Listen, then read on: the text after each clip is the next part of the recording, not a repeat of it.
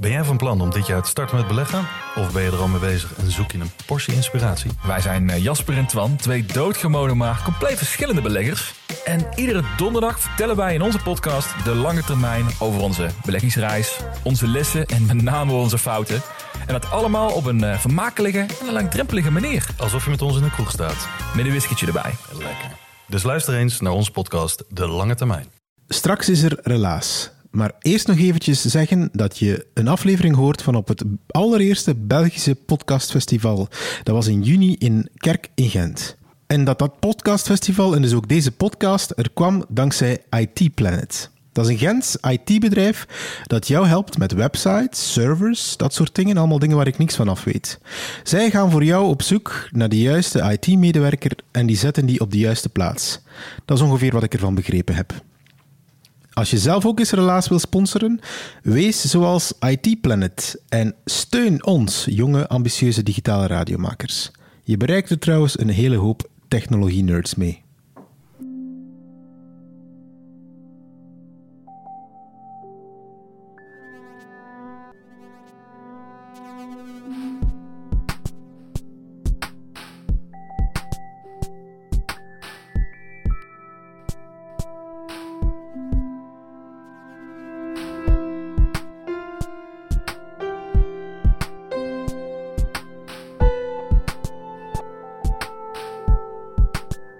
Dit is Relaas, waarin mensen een verhaal vertellen over iets dat ze zelf hebben meegemaakt.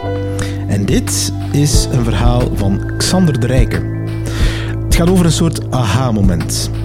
Je kent dat waarschijnlijk wel, zo'n moment waarop dat je eindelijk alles in perspectief ziet, waarop alles helder wordt en je beseft van dit moet ik doen en ik moet het nu doen en zo moet het zijn en niet anders.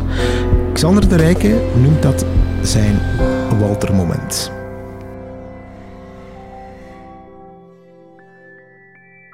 Mijn verhaal gaat over uh, uh, de origine waarom ik altijd momenten van uh, helderheid en momenten waar ik ehm, iets in een ander daglicht begon te zien, noem ik altijd Walter-momenten. een Walter-moment noem ik dat altijd. Iedere keer als je een realisatie hebt of je hebt iets door van ik ben verkeerd bezig of ik kan het beter of ik kan het anders doen, noem ik altijd een, een Walter-moment. En dat is eigenlijk ontstaan een goede elf jaar geleden. Uh, uh, zat ik in de middelbare school hier in Gent, op uh, Viso Mariakerke. Ene mens die gelacht, dat is meer dan genoeg eigenlijk daarvoor. ja, ik mik hoog. En ik zat daar omdat ik voornamelijk, ik wou, als, ik wou altijd tekenen. Ik wou striptekenaar worden en ik kom origineel van Eeklo en daar zijn niet echt kunstscholen. En toen zijn ze tegen mij, ja, Viso Mariakerke, dat is een kunstschool. En dat is totaal niet waar totaal niet waar. Dus al dan die doen is gewoon boekjes drukken en, en, en lijnen tekenen. Gewoon hele dagen lijnen tekenen. Uh, en ik heb daar tot mijn 17 gezeten. En in het vijfde middelbaar, uh, in het vijfde middelbaar was ik uh, bijna 18. ik heb mijn derde middelbaar opnieuw gedaan omdat ik zo slim was. En ik zat toen in de klas met een kerel die iedereen de Walter noemde. En die heette totaal niet Walter, die heette Wouter, maar iedereen noemde die Walter voor een of andere reden. Uh, en de Walter was zo die ene kerel die al veel te lang op die school zit. Snap je wat ik bedoel? Zo die ene kerel denkt van, is, werkt die hier? Of zit die in een leerjaar? Of is dat een leerkracht? Of is dat de conciërge? Ik heb geen idee wie dat is. Uh, die, die heette de Walter en uiteindelijk uh, zat, heeft hij zoveel gedubbeld dat hij ooit bij mij in de klas zat. En die kerel, wat ik, het beste dat ik die kan beschrijven is als er mensen die naar Dead 70 Show keken, uh, de nauwe hippie. Beeld je jonge versie daarvan in. Gewoon dat bruin haar en die, die een grote beduimelde oma-bril, de onderkant van een steriliseerbokaal. Uh, en hij had altijd zo een groene bodywarmer van Palm aan. Ja, weet dat, zo die dingen dat je kijkt op, op bij promo in de winkel, niemand draagt dat, die kerel doet dat aan. Weet dat, zo met, verkleurde, die groene was al geel aan het zien, like, gewoon verkleurde palmen, van die nazi-bottines zonder veters in. Altijd dezelfde jeansbroek die meer gat dan broek is. En uh, die zat bij mij in de klas. En dat ligt altijd aan mij, maar ik word altijd aangetrokken door zulke kerels. Niet op een seksuele manier, maar gewoon... dat zijn altijd de meest interessante mensen voor mij. Iedere klas, eh, eh, toen ik op school zat, in de middelbare school, iedere klas was altijd hetzelfde. Je hebt altijd een zestal Johns die elkaar aan het high-fiven zijn omdat ze gedronken hebben dat weekend. En altijd die vijf grietjes naar mij kijken van ons ga je nooit poepen. En ik denk, ja, ik weet het, ik weet het, ik weet het. Geef het nog tien jaar, dan sta je met een backstage. En gewoon, waar gebeurt? En...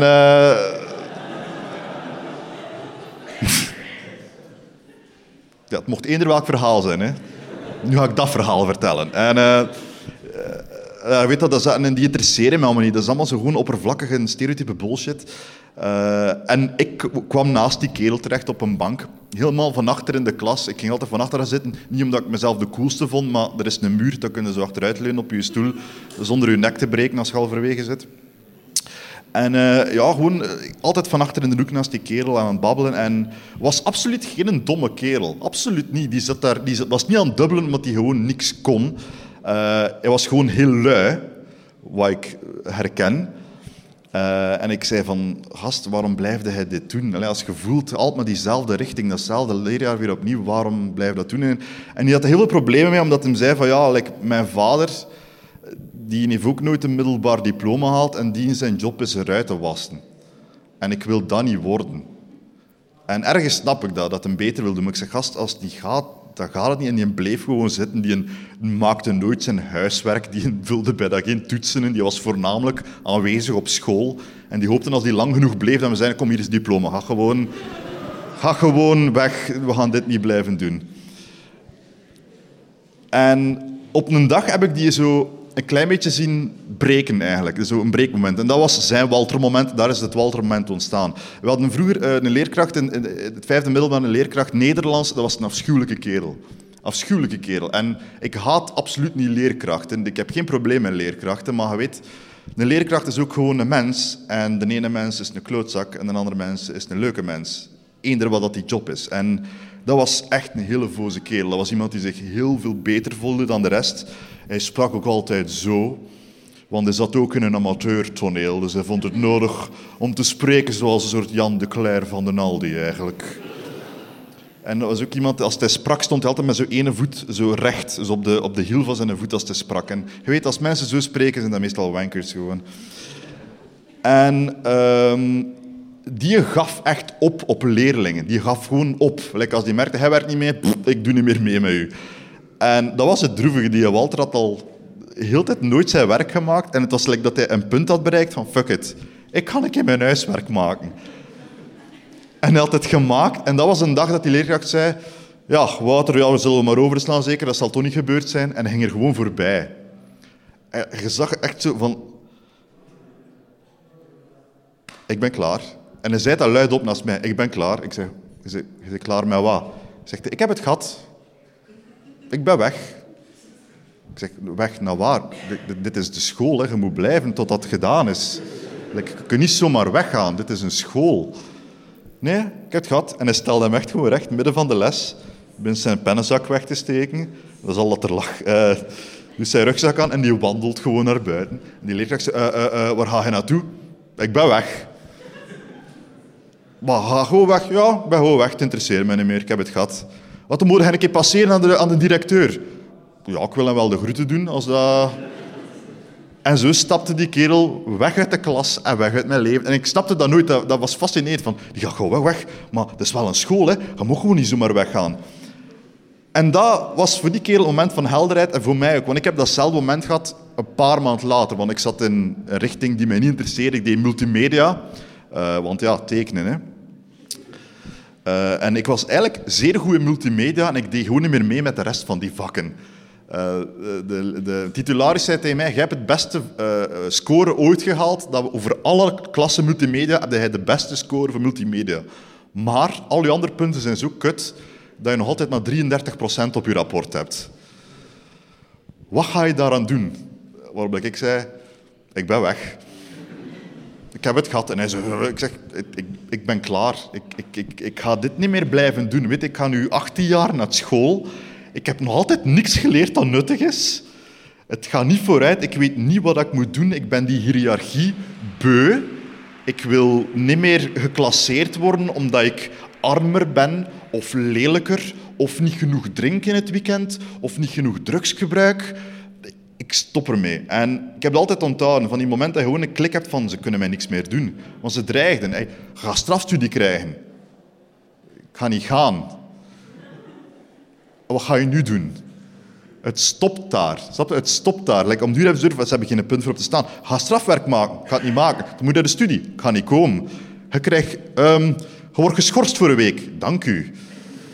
Like, om duur hebben ze door. Niks werkt nog. En ik heb dat altijd herinnerd. Ik noem altijd mijn Walter-moment. Mijn Walter-moment, iedere keer als je zo'n moment hoort van... Het moet niet meer. Ik kan gewoon doen wat ik wil. Ik ben mijn eigen persoon. En ik spoel door naar een paar jaar later en ik, ik word dit. Um, en ik moet optreden in een kapitool in Gent. Nu, dat was zo de tweede of de derde show dat ik daar doe, op, verspreid over zes jaar. Het is niet dat ik zo... Uh, maar ik vind het altijd speciaal om in het kapitool in Gent te staan. Dus voor iedere artiest is dat anders, maar voor mij was dat de eerste grote zaal waar ik iets gezien heb. Uh, ik heb daar ooit Geert Hoste gezien. Ik weet, dat is geen referentie, maar dat is wel van holy shit, ik speel de ruimtes waar Geert Hoste staat. Wat momenteel nog altijd jammer genoeg de grootste comedie van dit land is. En ik blijf het altijd speciaal vinden. En uh, het was een van die shows waar alles perfect liep, gelijk dat moest. En dat is niet ik was, er, ik was er content van. En dat klinkt raar, maar de meeste comedians zijn nooit gelukkig. Moet dat maar aan vriendinnen van comedians vragen. Wij kunnen staande vasie krijgen en wegwandelen. Ja, dat was een kutje, trok op de kloten. Mensen haten mij. Dat is hoe dat wij functioneren. Zelf vinden we wel iets om het slecht te vinden. En deze keer klikte het gewoon goed. Het was voor de eerste keer dat mijn ticketverkoop goed was. En de show is perfect gespeeld. Ze reageerden op het juiste moment waar het moest. En uh, meestal, als de show gedaan is, toen moet ik zo rap mogelijk naar van voren in de zaal gaan raken om mijn merch te verkopen. Uh, dus dat, dat, is altijd raar voor het publiek. Van, Dank u wel, ik was Kander Rijk. Dan loop ik de scène en dan bypass ik heel het publiek. Dan stak ik een keer in, uh, in de inkomhal. Hallo, wilde mijn dvd kopen? En dan staat helemaal nergens op. Dus ik loop, loop, loop, loop helemaal rond en ik sta met mijn merch. En in één keer, in het midden van de inkomhal van het kapitool, staat een leerkracht van Nederlands. Flyers uit te delen voor zijn amateurtoneel. Geen idee, wetende wat het er net opgetreden heeft. Die, die denken gewoon, hier is veel mensen, ik heb veel flyers. En alle mensen komen langzaamaan uit de zaal gestroomd en ik sta er achter mijn merch. Hey, hallo, was plezant. Dat is dan 20 euro. En ik, ik ben hem altijd in de gaten aan het. Van, eet dit nu niet door? Kent hij mij nog? Weet het niet. En ik hoor op een bepaald moment tegen iemand anders zeggen, die ook flyers had. Wat heeft er hier wel gestaan? Zoveel mensen dan er hier zijn. Wat heeft er hier wel gestaan? En je ziet die mensen en wijzen naar een scherm met mijn naam op. Waarop dat hij hem omdraait en recht in mijn ogen kijkt. En ik gewoon... En voor mij was het zo, oh, deze is geweldig. Oh, oh, eindelijk na al die jaren. Ik heb hem terug. Ik heb hem eindelijk terug. En ik dacht dat ik hem terug had. Maar uh, een klein jaar daarop, later ben ik uh, een boek aan het schrijven. Ja, ik heb een biografie geschreven toen ik 23 ben. Ik ben de Joy Tielemans van de comedy.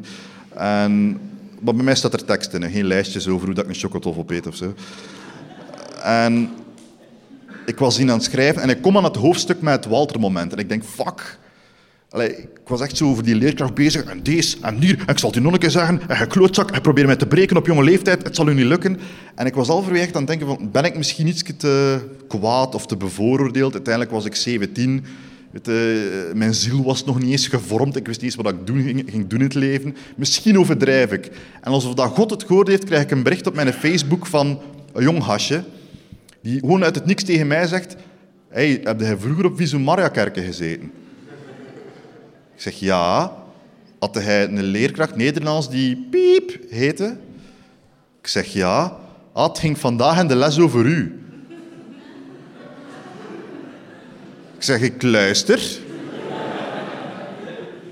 Hij zegt, uh, wij, uh, we waren bezig over theater en over podiumkunsten.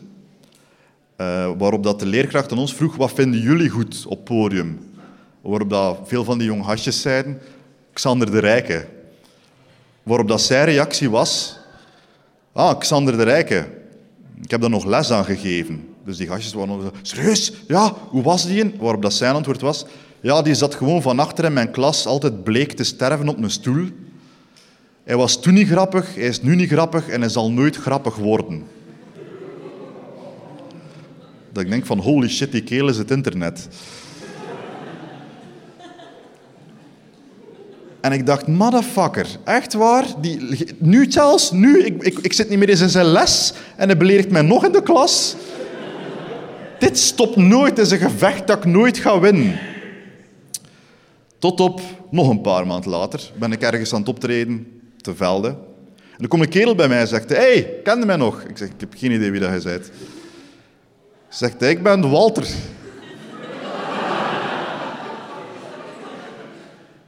ik, en ik herkende hem totaal niet, want hij zag er gewoon anders uit. Het is like dat hij een Jani makeover had gehad. Weet je? Het was zo haar kort, bril weg, lenzen, uh, proper pak aan, echt in het pak. En ik zeg, wat? De, hè? Palm? Nee, weg, alles. En hij zei, ja, nee, ik ben met mijn vader een bedrijf gestart met uh, ramenkuisen. en wij zijn nu de baas. Ik zei, alleen maat, en dingen. En, en we beginnen te babbelen. En chapeau, dat is graaf dat je eruit geraakt bent. En dit en dit en dit. En het ging natuurlijk over die leerkracht. Ik zei, weet je nog, hij is al weggegaan. En dat was mijn revelatiemoment. En toen ben ik helder beginnen denken. En ik zeg, en de fakker heeft niet af. Hè. Die wedstrijd gaat altijd voor. Ik ben altijd niet gewonnen. En toen zei hij eigenlijk het beste wat er is. Zei hij, Xander, er is geen wedstrijd. Je kunt niet winnen. Er zijn mensen die je gewoon niet kunt veranderen. Alleen jij kunt veranderen. En je moet je daarop focussen. Dat hij beter en sterker en groter en populairder kan worden dan hem. En als het echt een wedstrijd is, technisch gezien heb jij gewonnen. Want die gast gaat nu voor de rest van zijn leven generaties aan jongeren hebben, die iedere keer als ze zegt, houden jullie van podiumkunsten, dat zij gaan zeggen, ja, Xander de Rijke. En daarin moet je overwinning winnen. En dat was voor mij zo het, het, het begin van een Walter-moment en eigenlijk het ankerende Walter-moment. En daar is mijn realisatie een beetje gestart van, ik ben iemand die enorm veel uh, bewijsdrang heeft. Ik, heb enorm, ik ben iemand die uh, heel wraakvol is. Uh, ik ben enorm licht geraakt. Maar het zijn stomme kleine momenten like dat die mij geleerd hebben om af en toe een Walter-moment te nemen en iets in een ander daglicht te zien. En iets in een andere, tot een andere realisatie te komen eigenlijk. Um, en dat is mijn verhaal, zo. Dank u wel.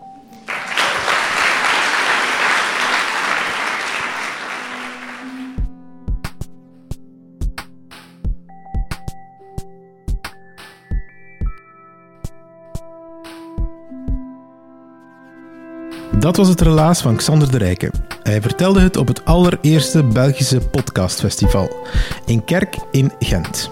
We hadden dat festival georganiseerd met zeven andere Belgische podcasts, zoals Mastertrack van VRT, Vuile Lakens, uh, maar ook Radio Rules. Dat was de Max, dat podcastfestival, en het allereerste in België. Je kan nog eens gaan kijken in Nederland ook, als je het Belgische gemist hebt. Dat kan op 1 en 2 oktober. En dat heet het Oorzakenfestival. Het is iets tussen een luisterfestival, een radiofestival en een podcastfestival. 1 en 2 oktober in Amsterdam, georganiseerd door de buren en de brakke grond.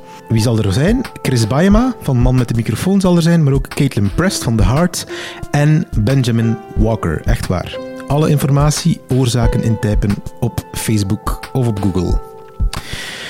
Als je zelf een herkenbaar relaasverhaal hebt, of je wilt het graag vertellen, of je kent iemand die zeker een verhaal zou moeten vertellen, dan uh, kan, dat, uh, kan je dat ons laten weten. Dat kan via www.relaas.be.